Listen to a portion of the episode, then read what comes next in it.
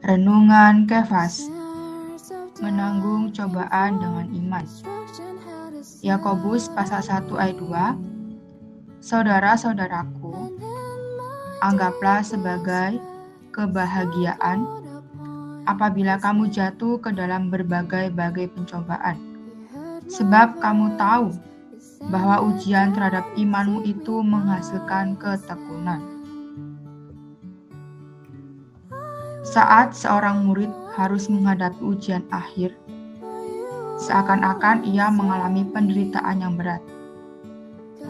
Apakah hal ini juga berlaku pada orang yang sudah percaya kepada Tuhan? Mari kita melihat di dalam kitab Yakobus.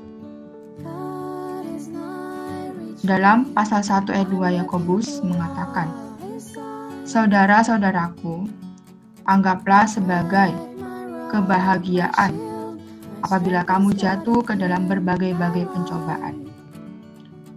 Di sini kita nampak bahwa kebajikan pertama yang berkaitan dengan praktek Kristiani yang sempurna yang dibahas oleh Yakobus adalah menanggung pencobaan-pencobaan dengan iman. Dalam sekolah pendidikan rohani juga ada ujian akhir dan macam-macam ujian lainnya. Kepala sekolah ini adalah Bapak Surgawi kita. Ia mengatur berbagai pencobaan, berbagai ujian bagi kita. Semua pencobaan itu baik bagi kita. Sebagaimana ujian-ujian berfaedah bagi para murid, demikian juga berbagai pencobaan yang kita hadapi sebagai orang-orang Kristen bermanfaat bagi kita. Poin penting, satu, orang Kristen akan menghadapi ujian setiap hari. Dua, ujian yang kita hadapi akan selalu mendatangkan ketekunan.